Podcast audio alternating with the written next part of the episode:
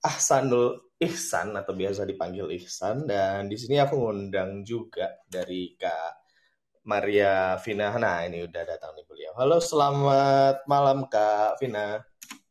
Selamat malam, lagi Kak Ibnu. Halo, suara suara aku jelas ya, Kak?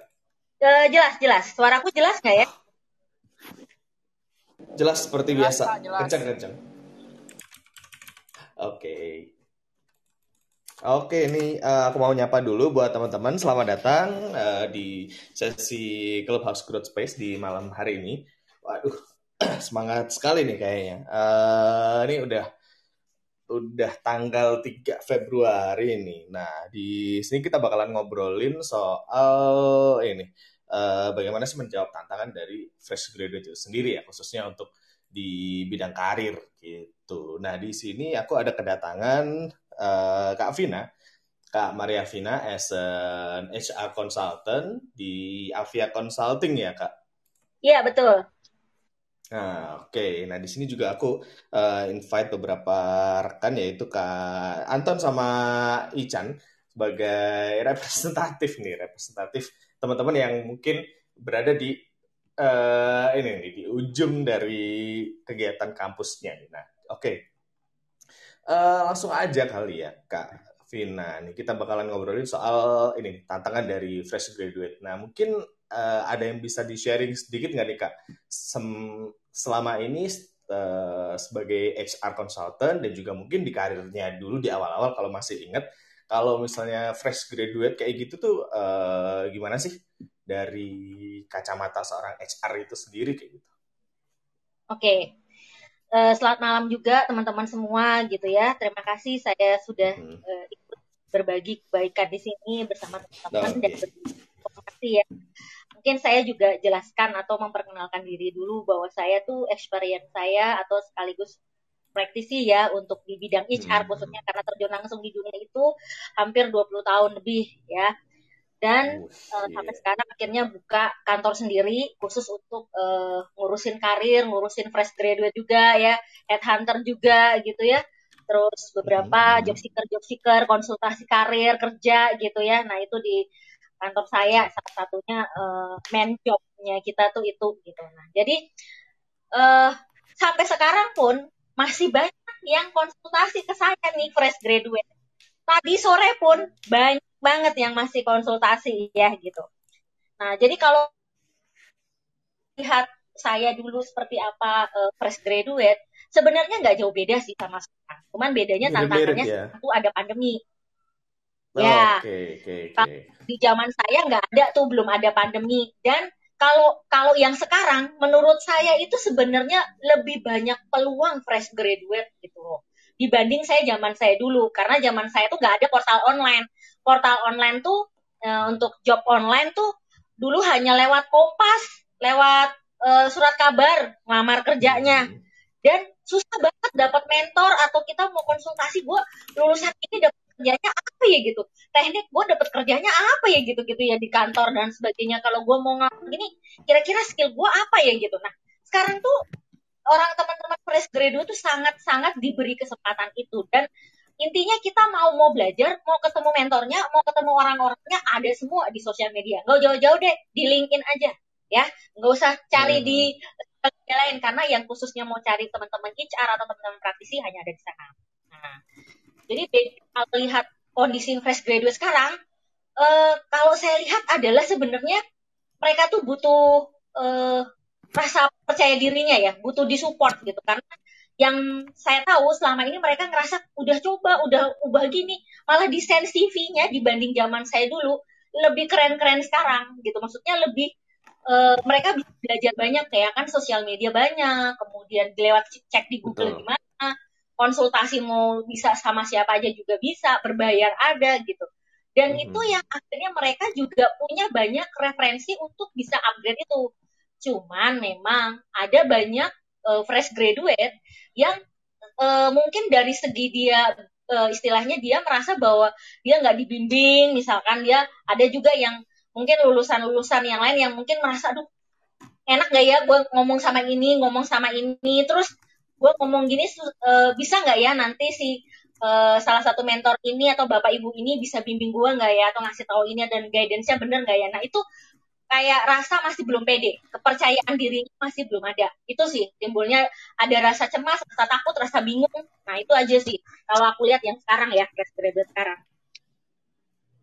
Oke, berarti uh, kalau misalnya untuk perbandingan sama dulu itu udah beda jauh banget ya mulai dari job portal dan yang sekarang ini uh, karena perkembangan teknologi juga dan begitu banyaknya eh, tempat-tempat bisa nyari istilahnya bisa nyari selain pekerjaan tetap kayak ada juga nih uh, side job side job yang mungkin bisa menambah menambah ini tambahan-tambahan penghasilan. Kalau misalnya dari fresh graduate masih belum dapat yang uh, emang bener-bener karir yang dipengen kayak gitu kali ya Mbak Vina ya. Iya, pilihannya banyak sebenarnya dibanding zaman saya dulu.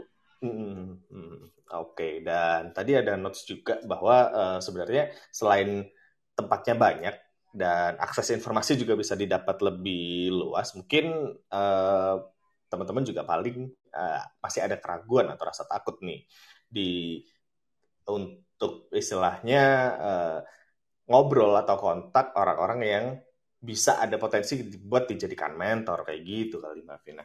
Nah, betul, di betul. sini uh, uh, ini ada udah ada Anton dan udah ada Ihsan dan mungkin buat teman-teman juga nanti yang mau sharing bisa open banget. Oh iya Ton, uh, mungkin aku bisa dijadikan moderator dulu kali. Uh, gimana Mas? Uh, di ini di klik profilku terus make moderator gitu. Nah di sini ada Ahsanul Ihsan oh, nih. Iya. Halo San. Nah, udah tuh. Halo, halo. Oke. Okay. Halo San. Gimana San? Nah, ini kan uh, kebetulan minggu depan mau ada ujian nih. Nah, gimana nih persiapan buat jadi fresh graduate kalau misalnya dari sisinya uh, Ihsan sendiri? Sebelumnya, perkenalkan namaku Ican. Sekarang lagi persiapan untuk sidang skripsi di minggu depan Uh, untuk saat ini aku berkuliah di Universitas Dian Nuswantoro. Uh, uh, aku sendiri menghadapi FG ya. Yang aku persiapan sih untuk saat ini masih memperbanyak sertif atau ikut workshop.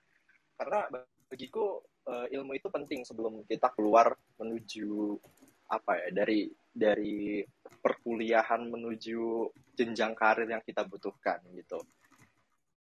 Selain itu uh, mungkin mengikuti beberapa program magang seperti yang diadakan pemerintah itu yang sekarang lagi hype itu kan ada kampus merdeka itu itu mm-hmm. bener-bener sangat sangat ini sih sangat berpengaruh untuk untuk saat ini mungkin uh, itu sih dari aku oke kalau jurusan sendiri studinya apa nih san untuk jurusan sendiri aku teknik informatika Oke, ini ya uh, programmer ya. Berarti nanti pengennya ke sana juga atau gimana nih?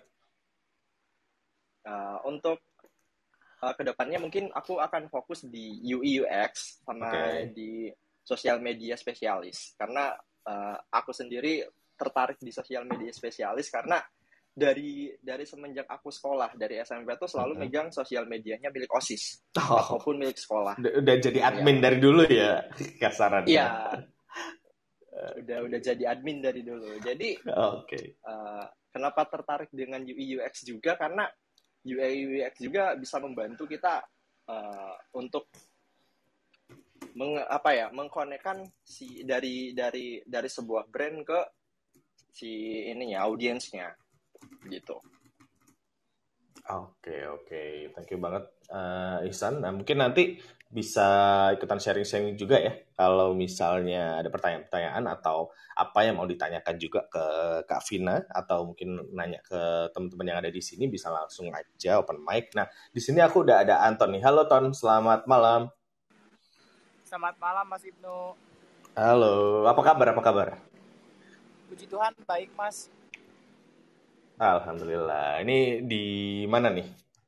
Posisi. Ini lagi di Tasik, lagi pulang kampung. Kebetulan. Oh, lagi pulang. Karena merayakan Imlek juga, jadi okay. orang tua suruh suruh pulang ya akhirnya pulang ke Tasik untuk sementara.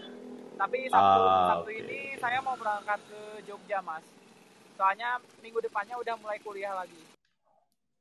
Oke, udah mulai tatap muka ya berarti untuk saat ini ya? Uh, lebih tepatnya hybrid, Mas. Oke, oke, oke, oke. Nah, ini gimana nih, Ton? Uh, kalau misalnya ngomongin soal fresh graduate, ini kan katanya kemarin sempat bilang bahwa uh, udah mulai ada nih kayak karir path yang pengen dituju nih. Nah, kalau misalnya dari Anton sendiri gimana nih persiapan sebagai fresh graduate? Kalau dari aku sendiri sebagai fresh graduate tuh lebih mempersiapkan ke untuk sekarang ini mempersiapkan ke hard skillnya. Jadi kemarin-kemarin tuh aku sempat daftar boot salah satu bootcamp yang diadakan oleh Universitas Katolik Parahyangan Bandung.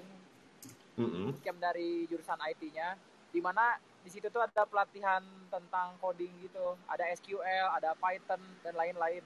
Nah, kebetulan aku sendiri ikut bootcamp yang SQL karena kan salah satu step untuk menjadi bisnis analis atau data analis tuh harus menguasai SQL. Mm -hmm. Oke, okay, berarti emang uh, nantinya udah pengen ke arah sana ya, udah pengen jadi data analis itu tadi ya, sama bisnis analis ya. Makanya belajar-belajar coding di situ. Nah, kalau misalnya jurusan sendiri ini ya, uh, accounting ya kalau nggak salah. Betul mas, saya dari uh, saya accounting dan okay. sebenarnya tuh awalnya tuh kayak aku tuh ngerasa salah jurusan karena kalau kalau aku aku anak akuntansi tapi ternyata lebih minatnya ke teknologi gitu tapi setelah didalami didalamin lagi ternyata semakin ke sini tuh tiap pengambilan keputusan itu sekarang tuh base-nya on data. Jadi memang sekarang-sekarang itu butuh orang yang bisa mengolah data-data bisnis itu untuk pengambilan keputusan yang lebih tepat. Begitu sih kalau menurutku, Mas. Oke, oke dari Anton sendiri kayak udah udah nemuin nih uh, gimana karir path-nya nanti yang pengen dituju kayak gitu dengan jadi bisnis analis. Nah, menarik juga uh, mengingat mungkin ada juga nih yang ngerasa salah jurusan tapi masih belum nemu nih masih belum uh, mengetahui kira-kira potensinya seperti apa dan yang diminatinnya juga nanti uh, kayak gimana kayak gitu. Nah nanti akan kita bahas juga di sesi ini. Nah sekarang aku ke Kak uh, Maria Vina lagi nih. Kak, jadi kan tadi ngomongin fresh graduate nih, ada rasa kayak ragu atau takut gitu ketika ingin mencoba, katakanlah ingin mencoba apply ke company yang dipengen terus ah nggak yakin nih kayak gitu. Nah kalau misalnya dari Kavina sendiri pendapatnya kayak gimana sih tentang isu-isu nih? Kan kan kemarin sempat rame juga kayak fresh graduate mintanya yang aneh-aneh kayak gitu-gitu tuh. Iya. Jadi eh, karena kurangnya informasi sih sebenarnya menurut saya bahwa fresh graduate sekarang tuh menganggap bahwa apa yang dia terima tuh dia telan mentah-mentah. Jadi kurang istilahnya dapat informasi dari beberapa pakar ya, maksudnya beberapa istilahnya para praktisi, baik itu orang-orang yang misalkan levelnya sudah bekerja, manajer dan sebagainya tuh untuk dapat informasi lebih. Jadi karena informasi itu cuma dari teman ke teman, akhirnya e, mereka nganggap ah oh gitu ya, oh gitu ya, tapi informasinya salah. Contohnya ini ya adalah e, ketika membuat CV. Nah, ketika CV itu mereka buat CV itu satu lembar. Nah, mereka nggak tahu artinya CV itu apa dan memuat apa aja. Terus ketika oke okay, bandingkan dengan resume, mereka juga bingung resume sama CV apa bedanya. Nah itu aja udah bingung mereka, udah salah karena informasi yang mereka terima atau pembelajaran atau mereka dapat uh, apa informasi bagaimana membuat CV dan sebagainya itu dari seseorang yang tidak tidak paham di dunia ini dan tidak tahu apa sih kriteria kriterianya. Jadi asal nanya, oh sama mentor ini, misalkan dia bukan orang HR misalkan, terus dia nanya, terus udah itu, oh dulu gue pernah kerja, biasalah kayak gitu-gitu aja, terus hmm. gampang, bisa kok diterima. Nah akhirnya karena itu tadi kurang informasi, terus ya udahlah, ini kan saya punya kualifikasi nih, kualifikasi saya seperti ini, ya udah deh, tapi nggak dibekali dengan skill-skill. Nah sekarang tuh kan makanya kenapa harus kita punya hard skillnya juga kita harus kembangkan kita melihat melek untuk teknologi juga karena mau gimana pun kita punya basic, kita punya sekolah, lulusan apa pun. Tapi kalau kita nggak tambah lagi skill kita, mau masuk di mana pun pasti ada kemampuan bagaimana kita lihat e, menggunakan teknologi sebagai support skill kita. Contoh, kalau orang finance, ah, aku lulusan accounting management, ya udah lulus, tapi dia nggak ngerti nih, udah pernah pakai sistem belum? Apa? Accurate. Udah pernah pakai sistem IOP? Ditanya, nggak ngerti. Dia mhm. udah pakai sistem belum? Nggak tahu. Nah, itu yang pemahaman teman-teman fresh graduate yang mereka habis lulus langsung lamar dan akhirnya pada saat mereka mau berkompetisi yang diterima ternyata yang pengalaman yang udah ngerti pakai akurat yang ngerti tentang IOP hmm. atau teknologi seperti itu. Nah, jadi ada ada baiknya ketika memang kita lagi sekolah atau kuliah kita bekali tambah lagi oh coba deh belajar skill ini uh, belajar ini ah, apa sih sistem ini aplikasi ini yang untuk keuangan tuh apa aja finance tuh apa aja bukan berarti bidang lain nggak ada ada oh kalau logistik itu apa oh engineering itu apa kalau orang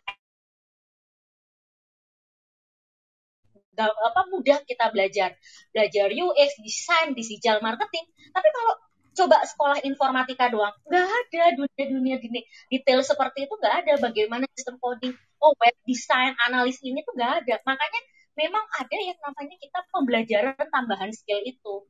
Karena ketika kita masuk, kita tuh udah punya powering bahwa oh skill saya mm -hmm. ini, saya mampu punya kompetisi ini. Nah makanya ketika orang fresh graduate, ketika ditambah sama orang yang kamu bisa buat coding nggak, kamu bisa uh, buat uh, sosial media gini-gini nggak? Bisa, dia dibanding sama lulusan fresh graduate yang enggak saya nggak ngerti, saya nggak tahu itu belum, saya cuma biasa uh, update update status misalkan, ya udah akhirnya yang menang ngerti tentang hal-hal seperti itu. Gitu. Oh, oke. Okay. berarti uh, yang pertama nih ada ini ya kayak persiapan kira-kira wajib nih hard skills karena untuk posisi yang pengen diincar kayak gitu. Nah mungkin uh, ada juga uh, menyaring informasi sehingga ketika kita dapat informasi-informasi atau mungkin kabar-kabar gitulah ya dari misalnya teman-teman atau uh, yang satu level juga ya sama-sama fresh graduate itu jadi ini ya kayak jadi bisa lebih uh, informasinya bisa lebih akurat lah kayak gitu dengan kita memanfaatkan critical thinking juga nih di situ untuk menyaring informasi yang ada kayak kayak seperti CV tadi yang mungkin uh, sekarang banyak juga nih CV-CV yang uh, oke okay, ngelamar istilahnya ngelamar company yang formal tapi CV-nya itu kayak nggak ATS friendly juga kali ya Kak Vina ya kan kan di situ yeah. kan iya. juga banyak banget yang kok udah ngirim banyak CV ke puluhan bahkan ratusan perusahaan tapi masih belum didapat dapat panggilan yang ternyata dari CV-nya sendiri masih belum memenuhi kriteria untuk uh, bisa disaring lah datanya dengan Betul. baik sama sistem kayak gitu. Betul, betul, betul. Dan mungkin ini ya, uh, bukan mungkin, maksudnya gini, ketika CV-nya itu kita memang harus lihat main bisnis ya. Maksudnya kalau kita memang uh, posisinya atau apa yang kita mau apply adalah dunia kreatif nih, pasti hmm, CV-nya hmm. juga harus uh, nuansa kreatif gitu loh. Misalkan orang fashion, orang desain gitu ya, itu kan pasti harus hmm, kreatif dong. Gak mungkin kalau misalkan kamu orang teknik disuruh harus desain-desain, terus ada gambar-gambar lucu-lucunya kan enggak gitu. Makanya ketika kita melamar sesuai dengan keilmuan kita, kemampuan kita, karena itu menjadi uh, kamu punya branding gitu loh. Kamu bawa branding itu hmm. bahwa kamu adalah lulusan ini, sekolah ini apa, sekolah teknik, engineering, hukum, apa sekolah kesehatan dan sebagainya. Bawalah itu dengan portofolio kamu, dengan CV-nya. Nah, CV-nya itu uh, atau uh, lamaran yang dia buat nggak bisa kita oh belajar sama mentor ini ya dia lulusan mentornya apa? Uh, dia apa nih digital uh, di digital marketing terus dia orang lulusan misalkan sarjana hukum ya nggak cocok lah misalkan gitu loh jadi hmm. memang hmm, hmm. kita mesti cari orang yang sesuai oh kalau misalkan sama orang Ica kan lebih tahu karena biasanya dia olah semua bidangnya apa. Oh ini bidang-bidang ini posisi-posisi ini. Mungkin bisa dapat referensi. Gak apa-apa orang-orang seperti itu malah open loh. Kalau kita mau connect iniin tanya bu pak kalau lihat CV saya seperti ini apakah ada yang bisa dibantu atau di review biar saya juga bisa perbaiki dan saya bisa mencoba melamar kembali. Kan bisa jadi apa yang kita dapat beberapa referensi orang lain atau teman-teman kita bisa jadi kita ternyata ada kesalahan nih. Jadi kita minta mereka dan kalaupun mereka sudah memberikan bisa jadi ada beberapa bahan dan mungkin dari situ kita bisa evaluasi dan kita apply kembali di tempat-tempat yang kita mau coba perusahaan-perusahaan yang kita tertarik. Sehingga kita punya peluang untuk bisa diterima kerja. Hmm, berarti memang uh, nggak usah takut nih ya, nggak usah takut ketika kita ada di LinkedIn uh, dengan kan gitu di situ kan banyak juga nih kak ya. Uh, kayak misalnya orang-orang yang seperti bidang mana. Kalau misalnya contohnya di uh, UI UX lead atau mungkin digital marketing leadnya company-company yang udah gede dan udah uh, well present lah sekarang gitu. Kita DM langsung kita uh, minta untuk uh, minta diajarin katakanlah kasarannya seperti itu itu juga mereka open juga ya sebenarnya kalau misalnya open. emang lagi nggak sibuk gitu open open gitu karena uh, saya pun masuk dalam uh, ini ya komunitas practitioner untuk LinkedIn kita bantu teman-teman yang teman-teman fresh graduate ya terutama ya mm -hmm. ya gitu loh jadi itu yang maksudnya nggak usah ini tapi cari yang benar-benar mentor yang sesuai dengan bidang kita dan memang dia biasa melakukan review terhadap CV dan ini ya karena banyak sekali jangan salah karena wah dia keren. Kan biasa kalau orang konten kreator kan beda lah ya. Konten kreator wih kerennya dia lah ini inilah gitu. Padahal dia cuma kreator cuman ya nggak apa-apa ngambil ngambil data segala macam tapi dia bukan orang praktisi di situ orang yang biasa cek berkas segala macam nah karena yang masuk yang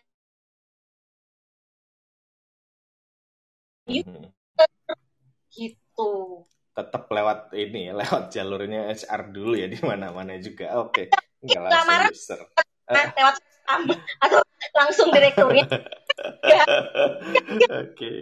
Apa lihat mana ini mau dikasih ke user-user yang cari? Itu HRD dulu loh. Jadi kita tuh harus benar-benar gimana supaya kita punya pendekatan branding kita ke HR.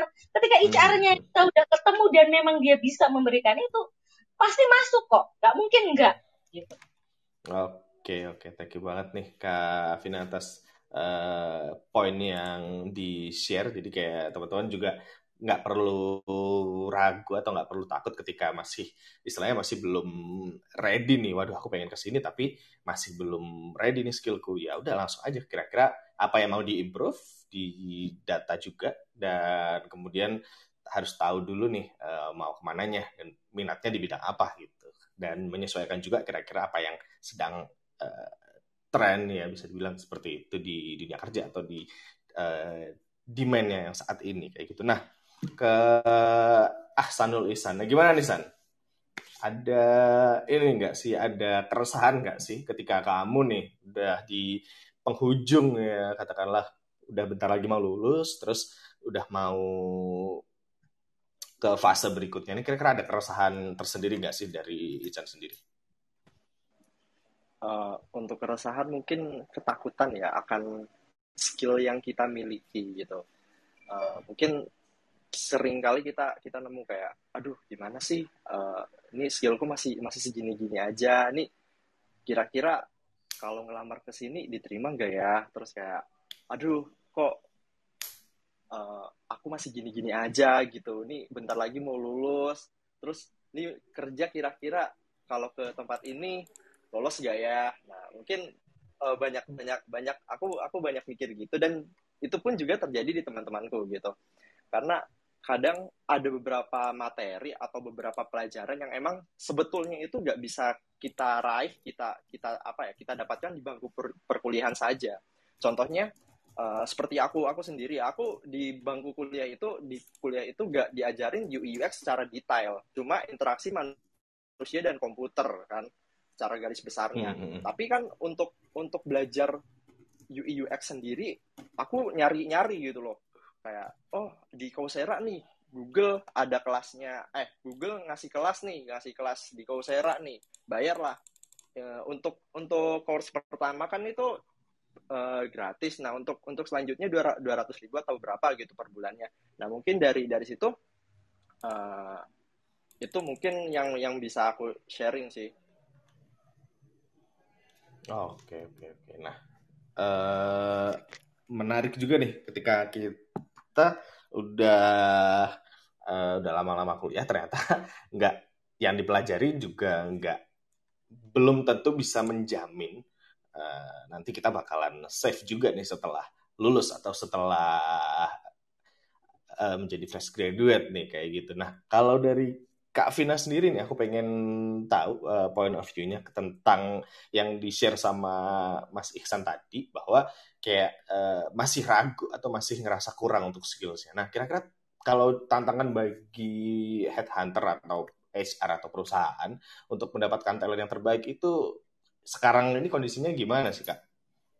Nah, karena sekarang ini kan memang pandemi, kita itu dibawa ke dalam sistem kerja hybrid.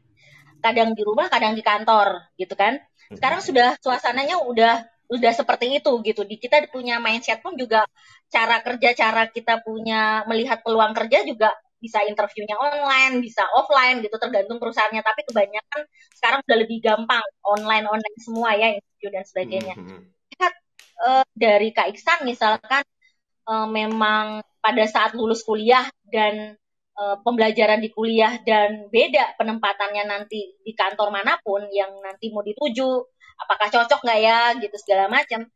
Jelas memang basicnya kita yang penting adalah ketika kita kuliah bahwa kita dapat satu ilmu kita itu jadi pegangan dulu.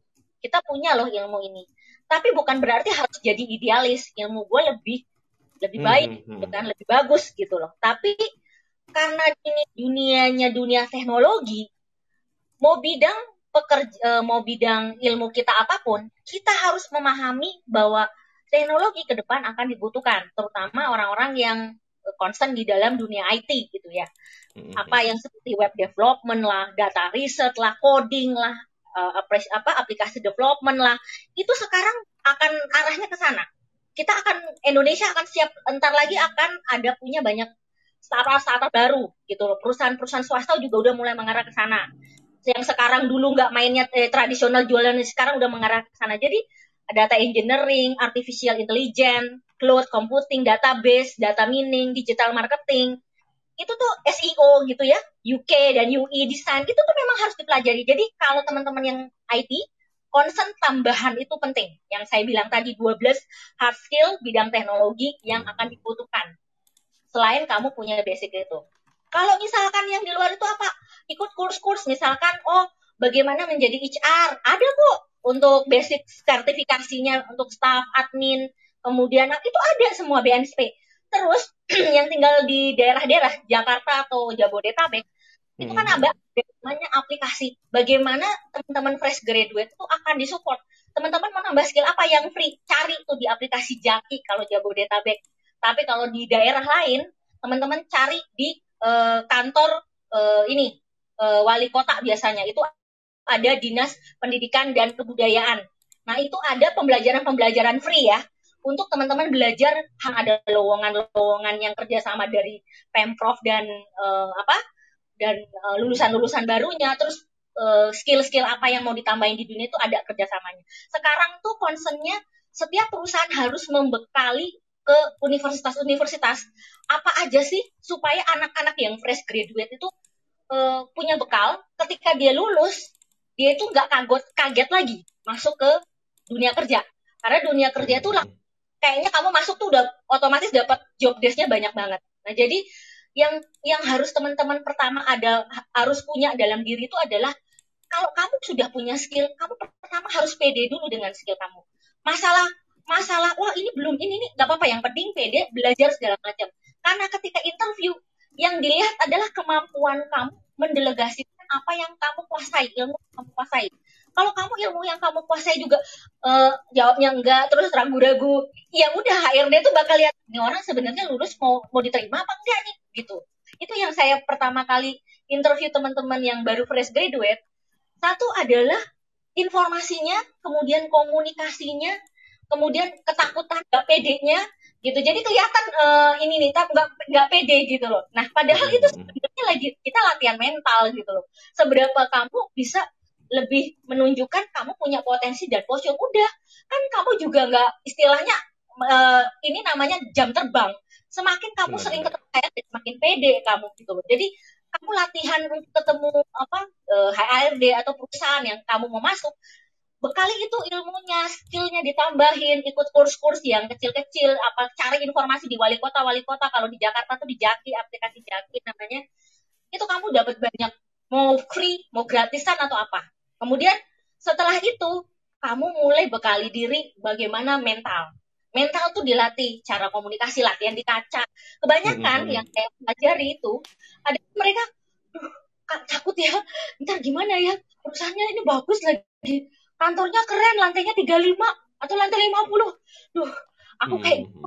kayaknya gimana ya aku di lulusan gini lagi gitu masih anak baru kencur gitu ya nggak usah kamu performa kamu dulu kamu adalah kamu kamu harus percaya sama diri kamu sendiri lah kalau kamu nggak percaya sama diri kamu sendiri terus siapa yang mau percaya kamu dan ketika kamu sudah percaya mau HRD lihat kesan pertama itu adalah figur atau kamu punya postur uh, bahasa tubuh. Setelah itu lihat sih hmm. berkas kamu ditanya segala macam. Kalau kamu sudah tampil pede, yakin deh itu udah lulus masuk ke user gitu.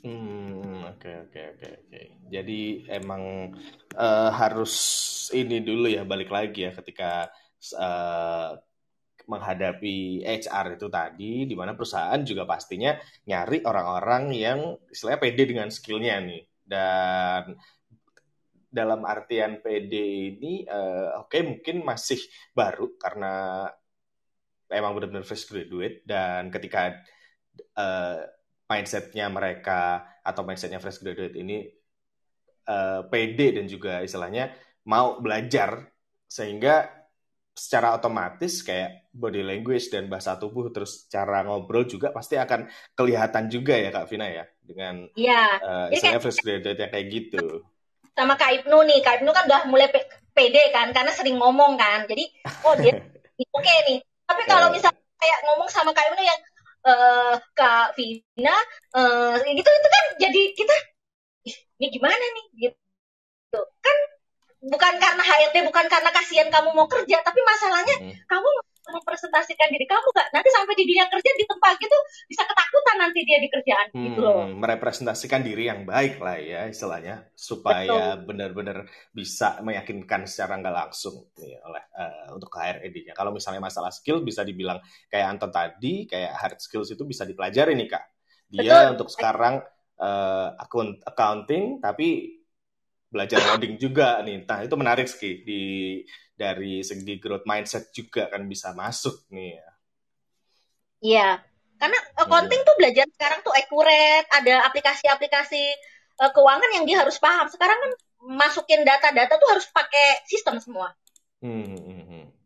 Oke, oke, oke, nice banget. Uh, beberapa poin yang menarik. Nah, kalau ke Anton nih, Ton. Nah, Ton, gimana nih? Tadi kan Ihsan udah share nih tentang keresahan nih. Nah, kalau dari Anton sendiri gimana nih mengenai keresahannya? Terus kira-kira uh, potensi dirinya ini apakah udah mencoba untuk menggali lebih lanjut atau gimana nih kalau dari Anton?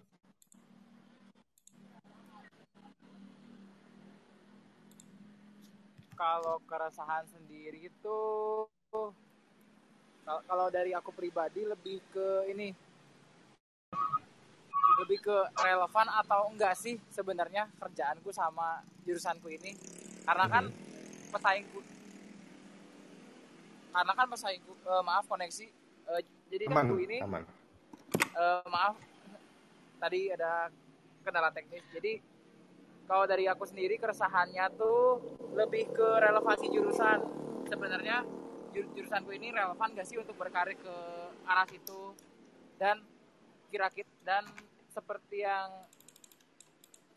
orang-orang ke kebanyakan karena pekerjaanku ini lebih berkutatnya ke IT otomatis mm -hmm. sainganku juga bukan bukan hanya yang beda jurusan aja tapi sama anak-anak yang berkecimpung di IT itu sendiri mm -hmm. terus apakah sudah menggali potensi atau belum kalau boleh jujur masih menggali-gali lagi sih masih hmm, okay, okay.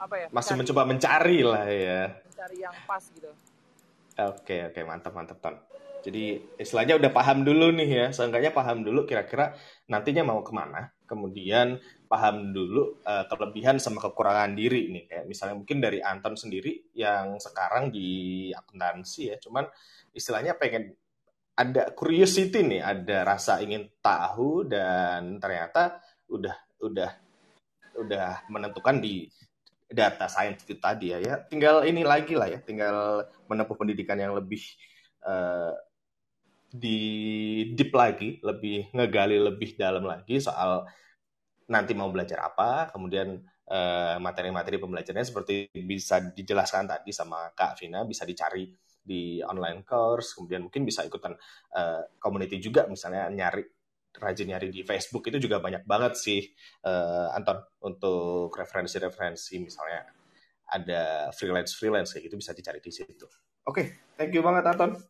Um, di sini aku udah ada lagi nih Mas Erhan yang udah raise hand. Halo Mas Erhan, ketemu lagi. Halo Mas Ibnu. Halo, halo. Teman-teman semua. Selamat malam. Sambil ngopi ya, sorry kalau agak ribut. Lagi sini oh, dulu. apa, apa. Ini kita lagi ngopi juga nih mantap mantap. Gimana nih Tema. ngobrolin fresh graduate nih, Bang? Kan udah lama tuh pasti jadi fresh graduate, graduate ya udah berapa tahun yang lalu tuh. Ya. Uh, kalau cerita pengalaman fresh grade, aku udah angkatan 2012, 2016 kelar. Berarti hmm. udah lima tahun lah ya, enam tahun lah tahun Iya lima tahun, iya hampir enam tahun lah, udah lama nih kayak gitu. Nah, Tapi nah, kalau nih? topik obrolan kayak gini, uh, sebenarnya apa ya enam bulan atau lima bulan yang lalu aku diajak untuk kasih berbagi lah sama alumni utamanya jurusan aku ya di kampus. Uh, uh, ya seputar topik ini gitu. Paling enggak aku yang udah lebih duluan nih apa ngerasain dunia kerja apa sih yang harus fresh graduate punya gitu kan dan okay. itu sorry mungkin uh, saja gitu bisa kenalan Topiknya. dulu kali ya jurusannya di mana kemudian oh, uh, aku, yang uh, by the way uh, salam kenal semuanya mungkin uh, aku Erhan 28 tahun aku kuliah atau alma mater dari Politeknik Kaltek Riau jurusan Sistem Informasi Komputer mungkin begitu oh. uh, terus uh, saat itu saat diskusi itu kan walaupun uh, via Zoom aku memang berbagi dan aku cerita bahwa menurut pengalamanku atau menurut pengalamanku juga eh, skill-skill yang paling kadang-kadang apa ya kalau skill akademik ya luar biasa lah. Gitu kan aku lihat junior juniorku banyak tuh yang IP-nya 38 eh balatnya 35 ke atas tuh gampang lah mungkin kan kalau aku lihat. Saat ini ya. Ya dan orientasi kebanyakan mahasiswa itu kayaknya gitu. Kayaknya ya memang nggak semuanya juga itu memang kenilai gitu. Tapi kayak soft skill ya terutama tadi kayaknya Mbak Maria tadi udah sedikit nyentil ya soal komunikasi, soal ya aku aku bahkan sempat bilang bahwa di situ kadang-kadang uh, apa ya uh, rezeki kita itu bisa didapat dari coffee shop, dari uh, mall, dari ya tempat-tempat umum dan di situ kita uh, harus siap, nggak bisa gitu. Ibaratnya let's say ketika ibaratnya di sebelah kita itu kita lagi ngopi ada Erick Thohir contohnya uh, ketika lu punya kesempatan ngobrol sama dia, masa nggak bisa meyakinkan lu sebagai fresh graduate apa sih skill yang lu punya, apa yang bisa lu tawarkan sehingga paling nggak ya dia bisa merekom gitu kan, sesimpel itu gitu. Kadang-kadang kebanyakan uh, teman-teman kita ini yang fresh graduate itu hanya berfokus ke mencari nilai. Jadi IPK kumlot dan lain-lain gitu kan. Tapi ketika hal-hal yang bersifat soft skill itu jarang. Bahkan kadang-kadang aku lihat juga terutama aku karena mungkin aku basicnya politeknik ya. Jadi mindsetnya itu kadang-kadang sering nggak langsung, oke okay, uh, aku harus menjadi engineer yang hebat, kerja di corporate gede gitu kan. Kebetulan kampusku itu kan yayasannya dibina oleh Chevron ya, yang perusahaan minyak dari Amrik gitu. Jadi mindset orang tuh ya, ya Chevron gitu kan, plumber gitu kan, terus ya atau yang dengan kolega-koleganya lah alat-alat berat mungkin kayak trakindo atau apa gitu. Jadi padahal ya kerja tempat seperti itu kan terbatas dan kadang-kadang juga orang-orang itu nggak selamanya butuh engineer gitu. Kadang-kadang mereka juga butuh AR, mereka juga butuh uh, mungkin uh, PR gitu. Dan ketika lu nggak punya skill-skill di komunikasi atau hal-hal di luar basic lu sebagai engineer ya susah gitu. Jadi harus memperkaya skill lah ibaratnya. Segala lini. Gak salah kok orang engineer uh, paham cuap-cuap. Gak salah kok orang engineer uh, ibaratnya teknik listrik tapi ngerti desain. Atau nggak salah kok orang engineer tapi mungkin uh, ngerti soal uh, apa ya, yang lain-lain lah, ekonomi mungkin atau apa nggak salah dan semuanya bisa dipelajari kan. Sekarang dengan internet yang sangat kaya ini. Apalagi fresh graduate kan paling enggak ya untuk nanti next step setelah itu setelah mungkin dua tahun atau tiga tahun lu rasa udah cukup pengalaman pasti kan ingin cari sesuatu tempat yang baru pengalaman baru ya paling enggak yang lu tinggalin ke perusahaan pertama lu ini adalah sebuah prestasi dan layak lu banggain itu aja. Mungkin begitu Bro Ibnu dan teman-teman semua. Thank you. Oke okay, thank you banget. Bang Erhan ini lumayan menarik nih yang diangkat. Jadi kayak uh, mungkin kecenderungan fresh graduate sekarang ya mungkin uh, terlalu mendewakan nilai ya. Dan mungkin aku nggak tahu juga deh kondisinya yang sekarang seperti apa. Mungkin ada Anton dan juga Ican yang bisa sharing nanti untuk soal itu. Tapi uh, selain di situ ada poin menarik di mana perlu mempelajari atau perlu uh, menjadi orang yang memiliki lebih dari satu skill gitu. Atau bisa dibilang sekarang uh, menjadi generalis lah ya, menjadi generalis sehingga ketika kita dihadapkan oleh opportunity atau kesempatan yang dalam tanda kutip menuntut kita bisa memiliki pengetahuan di bidang yang lain, itu akan bisa menjadi uh, nilai plus nih buat kita kayak gitu. Mungkin bisa ditarik uh, kesimpulan ke situ juga ya kali ya, Bro Erhan nih. Dengan ad, uh, kalau kita pengen ada luck kayak gitu yang yang mana lucknya itu didapatkan dari kesempatan dan juga skills yang kita punya ini kayak gitu kali ya dan uh, mungkin sedikit tambahan juga nih izin hmm. uh, uh, kebanyak ke kebanyakan sih ada beberapa teman-teman kita ini juga kadang latah jadi ketika temannya si A ini uh, corporate satu uh, dia kepengen ikut-ikutan gitu kenapa nggak kita nentuin ya sesuai dengan kita tanyakan di diri kita ke mana sih passion kita, ke mana sih kira paling nggak skill atau uh, apa ya selera kita dan hmm. ya sudah lu buktikan lu layak untuk ke situ dan uh, nggak masalah lu menjadi berbeda. Let's say jangan juga ibaratnya ketika semuanya bikin startup dan kita latah bikin startup nggak bisa gitu.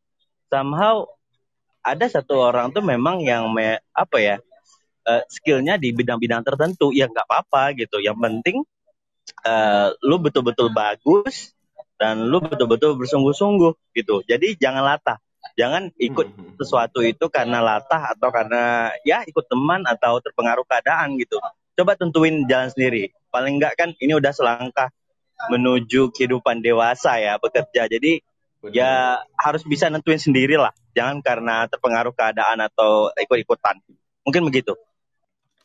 Oke, okay, thank you banget Bro Erhan nih udah sharing soal uh, tadi soal latah atau mungkin ikut-ikutan karena memang mungkin fasenya mungkin kalau di aku juga sekitar tiga tahun empat tahun yang lalu karena emang startup bisnis startup ini lagi booming dan juga visi ngabisin duit atau ngeluarin duitnya gampang banget dulu akhirnya banyak yang mencoba untuk bikin bisnis inilah nyari investor dan segala macam dan sekarang uh, uh, ya di luar bahasan sih karena karena tapi cuman menarik karena tadi diangkat oleh Bro Erhan juga nih. Nah, oke. Okay.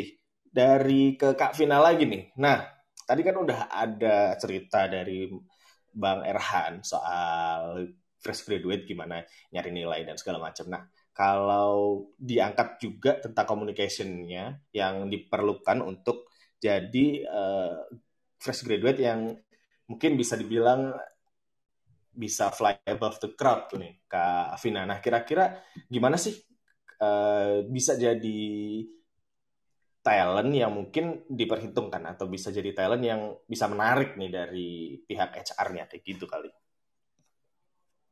Uh, kalau mau jadi talent yang uh, dilirik uh, hmm, dari hmm. perusahaan, intinya gini, ketika kita mau melamar satu kita melamar perusahaan jangan kayak punya ekspektasi berlebihan. Aku harus masuk nih perusahaan ini kalau enggak aku ah bakal bunuh diri jangan gitu loh. Karena banyak anak muda itu ya pengennya masuk perusahaan yang gede-gede gitu loh. Terlalu idealis lah ya.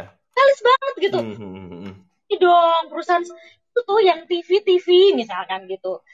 Pas sampai di sana misalkan dapat kerjaannya gini-gini terus baru nanti ngomong cerita aduh ternyata kerjanya gini-gini nah kadang-kadang kita dilema ya giliran dapat kerja harusnya happy ya tapi giliran dapat pressure kerja langsung stres.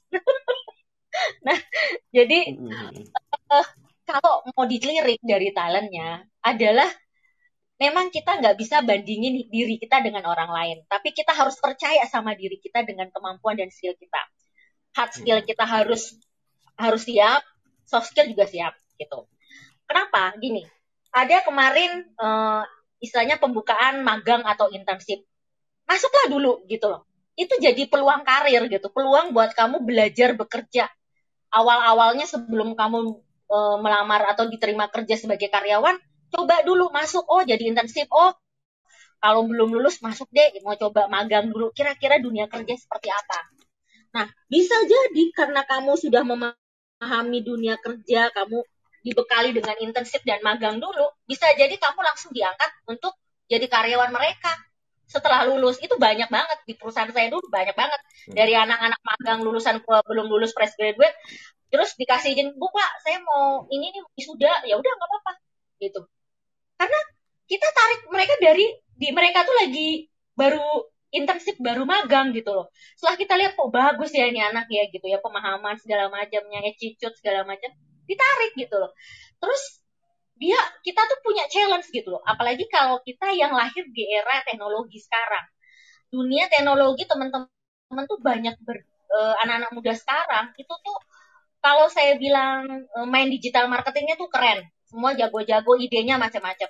Itu ada anak-anak magang kemarin karena dia seneng tiktokan seneng apa?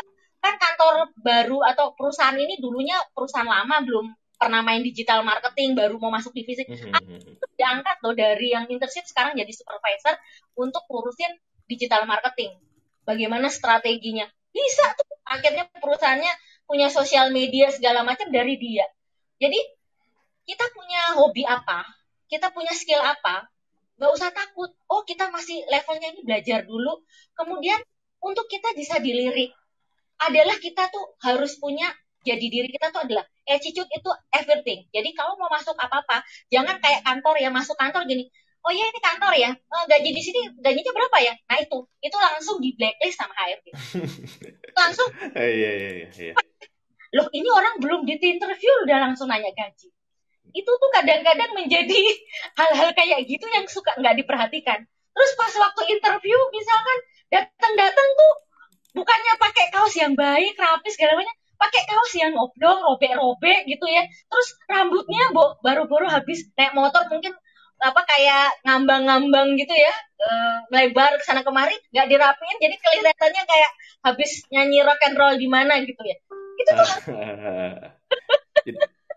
Iya iya benar benar benar. Jadi emang harus memperhatikan istilahnya memperhatikan attitude, penampilan bukan, juga penting ya. Iya, bukan hmm. sama uh, maksudnya kita memperhatikan hal hal oh, ngapain sih bu kok kayak gitu. Apalagi interview online ini kebanyakan banget nih saya ketemu. Interview online fresh graduate baru bangun tidur, aduh, matanya dicuci muka rambutnya masih ya bu ini uh, pakai maya terus belakangnya suara ayam suara lagi renovasi suara apa segala macam itu udah pasti bakal HRP-nya nggak bakal ini lagi wah berisik banget gitu kok gak dia nggak mempersiapkan Oke, okay. tempat ya, yang proper lah ya, tempat yang proper gitu. Iya gitu. Jadi kayak suara suara uh, keramik dipotong lah. ya, gitu. Oh, saya enggak, kalau saya dulu pas interview press grade itu itu bunyi ayam, kok kok kok gitu. uh, Oke. Okay. didiamkan ya kan dia lari-lari gitu. Jadi kadang-kadang uh, gitu nah, ayamnya yang lebih banyak suara-suara gitu dia deket kandang ayam gitu. Hmm, Jadi okay, uh, okay, okay. seperti itu. Jadi kadang-kadang hal-hal seperti itu teman-teman perhatikan. Kemudian uh, terus benar cara kita bicara komunikasinya yang baik tepat latihan jadi latihan di kaca segala macam itu awal pertama seperti itu kemudian kalau dibilang uh, apakah uh, nilai itu jadi poin penting?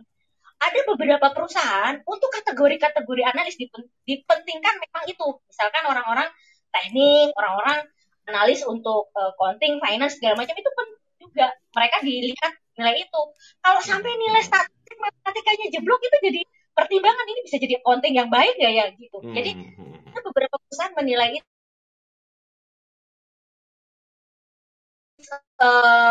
nggak uh, bisa everything ya. Iya, jadi saya uh, tapi tetap tetap tetap tetap menjadi pilihan ketika kita masuk di company-company besar gitu ya. Kalau hmm. kalau misalnya hmm. masuk di perusahaan yang biasa itu nggak jadi pilihan, nggak. Jadi kita jangan milih mau jadi company masuk company di mana. Masuk dulu di perusahaan kecil itu jadi rintisan kamu untuk karir selanjutnya kamu masuk di perusahaan besar. Jadi dulu aja saya kerja jadi HR tuh di kantor kecil. Tapi setelah hmm. jadi kantor kecil yang cuma karyawannya tiga orang, saya pun ditarik di perusahaan yang besar gitu loh. Jadi awalilah hmm. lihat potensi juga kali ya Kak Vina. Perintis di tempat yang baru gitu. Hmm, oke okay, oke okay, thank you banget. Uh, ini menarik nih, di mana small details juga mungkin bisa diperhatikan ya, katakanlah uh, khususnya untuk kalau misalnya kita mau jadi uh, talent yang mungkin bisa dilirik oleh banyak HR nih kayak gitu. Jadi kayak memperhatikan penampilan juga dan juga uh, timing sama benar-benar kita kalau misalnya mau interview atau apa harus serius juga nih dan memperhatikan detail-detail kecil itu tadi. Thank you banget Kak Vina udah sharing soal talent nih. Nah, di sini ada Pak Matrix. Halo, selamat malam Pak Matrix. Malam juga. Halo, ketemu lagi nih bapak-bapak muda. Keren tuh Kak Maria tadi penjelasannya. KR Gimana nih? Bagus sih. Gimana nih Pak Menteri? Kalau Iya, kalau saya, ngobrolin soal kalau, fresh graduate. Kalau saya kan ini generasi zaman dahulu kala ini. eh, itu itu itu. Eh, fresh graduate eh, sampai sekarang saya belum melihat ada kemajuan dari dulu belum ada. Masih dari kecewa barangkali. Dari sisi mananya nih? Uh, jadi gini sebenarnya, uh, kalau sebenarnya kalau bilang, oh dia udah lulus kuliah, ini udah apa tantangannya?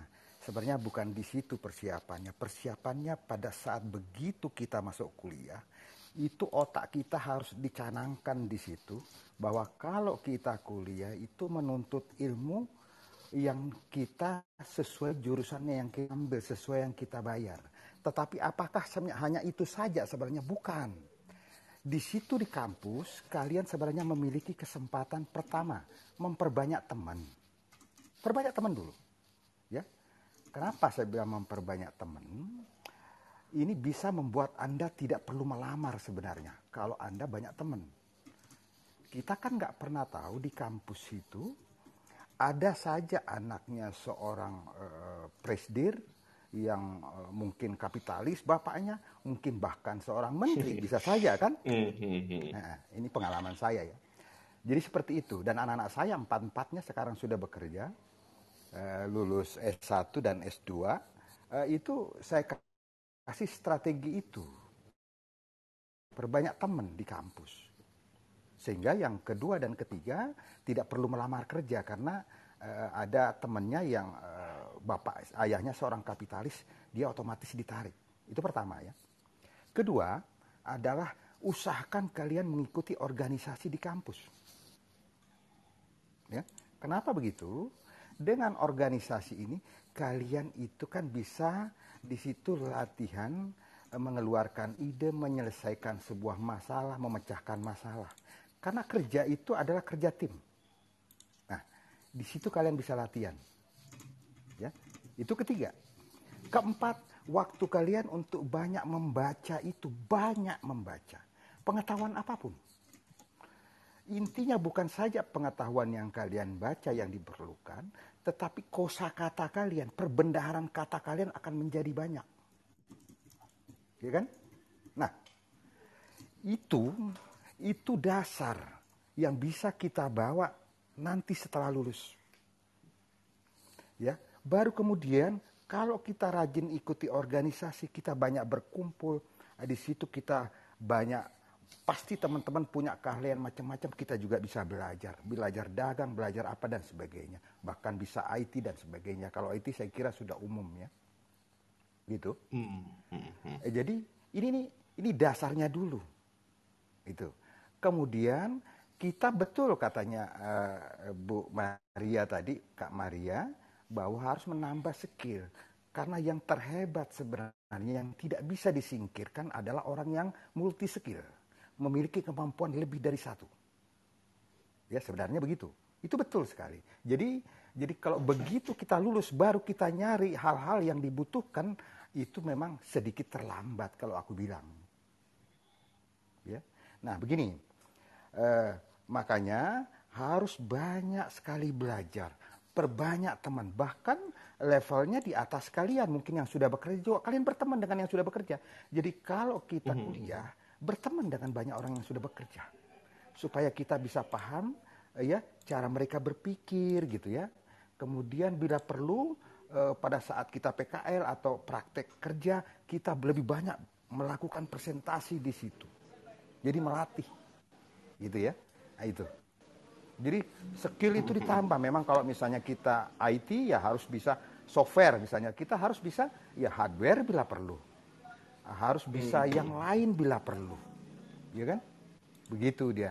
Jadi sehingga kalau skill kita sangat banyak, jangankan mau masuk e, perusahaan besar aja, di dalam sebuah perusahaan kita disikut sama teman pun kita tidak bisa tersingkir. Kenapa? Karena kemampuan kita lebih dari satu. Perusahaan akan bisa melihat itu.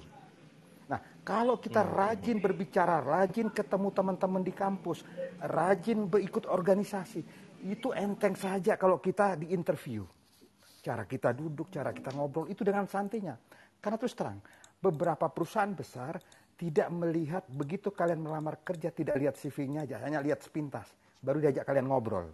Dia bilang, Dek, kalau di rumah kamu ngapain? Ini kamu ngapain? Di situ dilihat seberapa bagus kinerja kamu sih sebenarnya di masa depan. Semangat kamu seperti apa? Jadi hubungan kamu dengan keluar dan apa dia minta diceritakan. Seperti itu. Hmm, malah di luar itu, ini ya. Iya, itu anak saya pertama yang masuk di Astra Internasional sekarang jadi salah satu manajer cabang di umur 26 tahun. Dia tanya sama aku, "Pak, cara orang kerja gimana? Bosmu kerja jam berapa? Jam 8 sampai jam 7 malam. Ya sudah, kamu kerja jam 7 sampai jam 10 malam. Bingung dia kan? Loh, kenapa? tapi ingat, bukan okay, jamnya, okay. tapi hasilnya. Oke, okay, result ya, nah, result. Nah, iya. Saya bilang begini, saya uh, udah sering ya, saya kebetulan arsitek, juga orang mekanikal, juga orang elektrikal, juga orang teknik sipil. Jadi saya bilang, Dulu waktu saya masih muda, saya bangun PRJ kebetulan tahun 92, waktu itu Gubernur Yogo ya. Saya tanya pengawasnya dari Prancis, eh kamu sarjana, aku juga sarjana. Kenapa gajimu empat kali lipat sama gajiku? Gue bilang gitu. Kehebatan kamu mana? Rumus teknik sipil aku juga jauh di atas kamu loh, walaupun kamu orang Prancis, gue bilang gitu. Dibilang, metrik, bukan karena kamu hebat, tapi hasil kerjaku jauh lebih cepat darimu Orang Indonesia pekerjaan dua jam itu dikerjakan satu hari. Kalau kami bila perlu setengah jam selesai. Dibilang gitu. Habis itu apakah kami main game atau main medsos? Enggak. Pekerjaan yang lain kami kerjakan sekaligus. Dengan sangat cepat dibilang gitu. Jadi efisiensi kerja itu. Itu yang terpenting gitu. Iya kan? Seperti itu. Okay. Jadi apa? Okay, Jadi itu kita harus melatih melatih diri kita. Ini seperti di perusahaan saya misalnya. Misalnya ada seorang karyawan, Dek, tolong kerjakan ini. Uh, besok pagi sudah ada di meja saya. Siap bos. Padahal aku tahu pekerjaan itu orang biasa akan diselesaikan dalam waktu dua jam selesai. Apa yang dilakukan karyawan? Dikerjakan satu jam, benar selesai. Dia cukup cepat tapi abis itu nggak diantar ke mejaku, tapi dia main medsos. Asik, si bos ngasih kerjaan sampai besok nyantai bisa gitu. Keliru hmm. kalian. Hmm.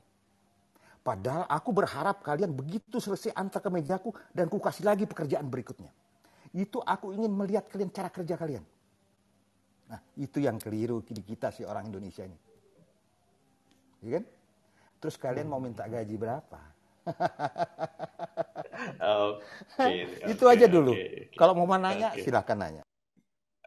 Oke, okay, thank you banget nih, Pak Matrix. Uh, banyak banget insight dan poin-poin yang bisa diambil dari tadi uh, statementnya, mulai dari mungkin uh, persiapan nih uh, ngomongin masalah persiapan pasti mulai dari gimana kita tahu dan mengenal diri kita sendiri dulu kemudian tahu nih mana yang akan kita tuju dan mana yang akan kita jadikan acuan untuk nanti kita mau jadi apa sih kayak gitu dan tadi yang menarik uh, ngobrolin soal networking kemudian critical thinking dan problem solving sih ya Pak Matrix ya di mana uh, kalau misalnya pengen istilahnya tanpa effort nyari kerja nih. Iya, uh, karena IPK networking kamu, gitu. IPK kamu mendekati empat saja, tapi kamu tidak bisa berbicara, nggak bisa menyampaikan sebuah solusi atau pemecahan masalah karena kamu nggak bisa ngomong, itu percuma kamu pinter. Hmm, hmm, hmm, hmm. hmm. Oke oke nice nice nice input. Ada deliverables juga yang benar-benar dibutuhkan untuk uh, berkarir ya di dunia sekarang selain critical thinking dan juga solving solving problems itu tadi. Terus ada juga dua poin. Yang pertama uh, going extra miles itu tadi, mulai dari result dan juga uh, balik lagi ke delivery pekerjaan sama efisiensi kerja itu tadi. Di mana kita harusnya bisa menyelesaikan suatu pekerjaan dengan lebih cepat dan lebih efisien dan uh, bisa menyelesaikan pekerjaan-pekerjaan lainnya gitu yang mungkin diberikan atau mungkin istilahnya inisiatif juga buat kita untuk nanya nih ke atasan kita soal pekerjaan kita berikutnya. Oke, okay, thank you banget Pak Matrix nih atas sharingnya dan ini udah ada di sesi terakhir. Uh, mungkin aku balik lagi ke Kak Vina nih. Nah, kira-kira nih Kak Vina ada ada nggak sih kayak tips dan trik mungkin yang singkat aja yang akan yang bisa di-sharingkan kepada teman-teman fresh graduate dari point of view-nya seorang HR nih? Oke, jadi intinya adalah ketika kita sebagai fresh graduate eh, sadarilah bahwa bekal kamu lulus itu menjadi poin kamu untuk kamu punya eh, kemampuan di tempat kerja. Kemudian yang kedua adalah dalam dunia kerja itu maksudnya gini, baru melamar dan proses kamu diterima kerja itu adalah proses eh, satu tahapan gitu loh tapi ketika kamu bekerja itulah kamu mampu atau tidak gitu loh. Karena uh, ilmu itu ketika sudah diaplikasikan di dalam kerja baru terlihat apakah saya mampu atau tidak dan itu ketahanan mental, pressure, kemudian kita juga mau belajar itu yang terpenting di dalam hal itu dibanding proses awalnya tadi walaupun kelihatannya berat. Tetapi yang ketiga adalah ketika kita um, melamar jangan terlalu berharap terlalu tinggi pada perusahaan-perusahaan yang kita sudah apply. Jalinlah atau kerjasamalah dengan beberapa teman-teman LinkedIn contohnya ya itu banyak banget teman-teman HR atau teman-teman profesional lainnya yang mau masuk di company mana pakai hashtag ketemu deh itu kita ngobrol dulu branding karena sebenarnya kita itu gampang sekali diterima kerja kalau kita mau branding diri kita kenali diri kita di LinkedIn terutama ketika kita sudah mulai branding siapa kita, kita fresh graduate, itu banyak banget perusahaan-perusahaan yang bukannya kita yang lamar, tapi perusahaan-perusahaan yang nyari kita. Karena kemauan kita, kita nulis di situ bahwa kita menonjolkan branding kita, itu yang dicari. Jadi tunjukkanlah diri kamu dengan potensi kamu gitu. Jadi ketika kita nanti melamar di mana pun, skill kita, kemampuan kita itu yang kita komunikasi juga penting. Terus jangan jadikan bahwa ah saya punya nilai adalah jadi sesuatu yang bumerang. Kalau memang nilainya nggak bagus tetapi hmm. asah terus dengan skill-skillnya. Gitu. Ya itu aja. Oke okay, thank you banget kak Maria Vino udah sharing. Dan tadi proses rekrutmen itu nggak uh, proses melamar kerja atau jadi fresh graduate itu bukan cuma di awal aja tapi benar-benar gimana nanti kita ketika udah keterima kerja memaksimalkan potensi dan juga kemampuan yang kita miliki supaya kita bisa meninggalkan kesan baik nih untuk perusahaan mana pun yang kita uh, bekerja gitu. Oke, okay, thank you banget uh, malam ini sebuah sesi yang cukup menarik dan mengingatkan uh, kita kita juga nih soal uh, gimana sih seharusnya kita bisa menjadi uh, karyawan atau employee yang punya karir yang ya kalau bisa naik terus dan memaksimalkan bagaimana cara kita bekerja kayak gitu. Oke, mungkin dari aku cukup sekian. Uh, thank you banget buat Ican dan buat Anton udah sharing beberapa point of view-nya terkait menuju uh, fresh graduate nih. Mungkin buat teman-teman juga yang pengen sharing-sharing bisa langsung kontak uh, Pak Matrix atau Bang Erhan dan juga Mbak Maria Vina kalau misalnya pengen nanya-nanya soal fresh graduate atau nanti prosesnya seperti apa dan sesi malam hari ini Clubhouse Growth Space saya tutup. Jangan lupa follow Instagramnya Growth Space ya di @growthspace.id. Nanti kita bakalan sharing-sharing banyak juga di situ. Uh, terima kasih juga buat Pak Matrix dan Erhan udah sharing dan udah raise hand dan saya tutup sesi malam ini. Terima kasih. Wassalamualaikum warahmatullahi wabarakatuh. Waalaikumsalam warahmatullahi wabarakatuh. Terima kasih semuanya. Terima kasih. Terima kasih, terima kasih. Terima kasih semuanya.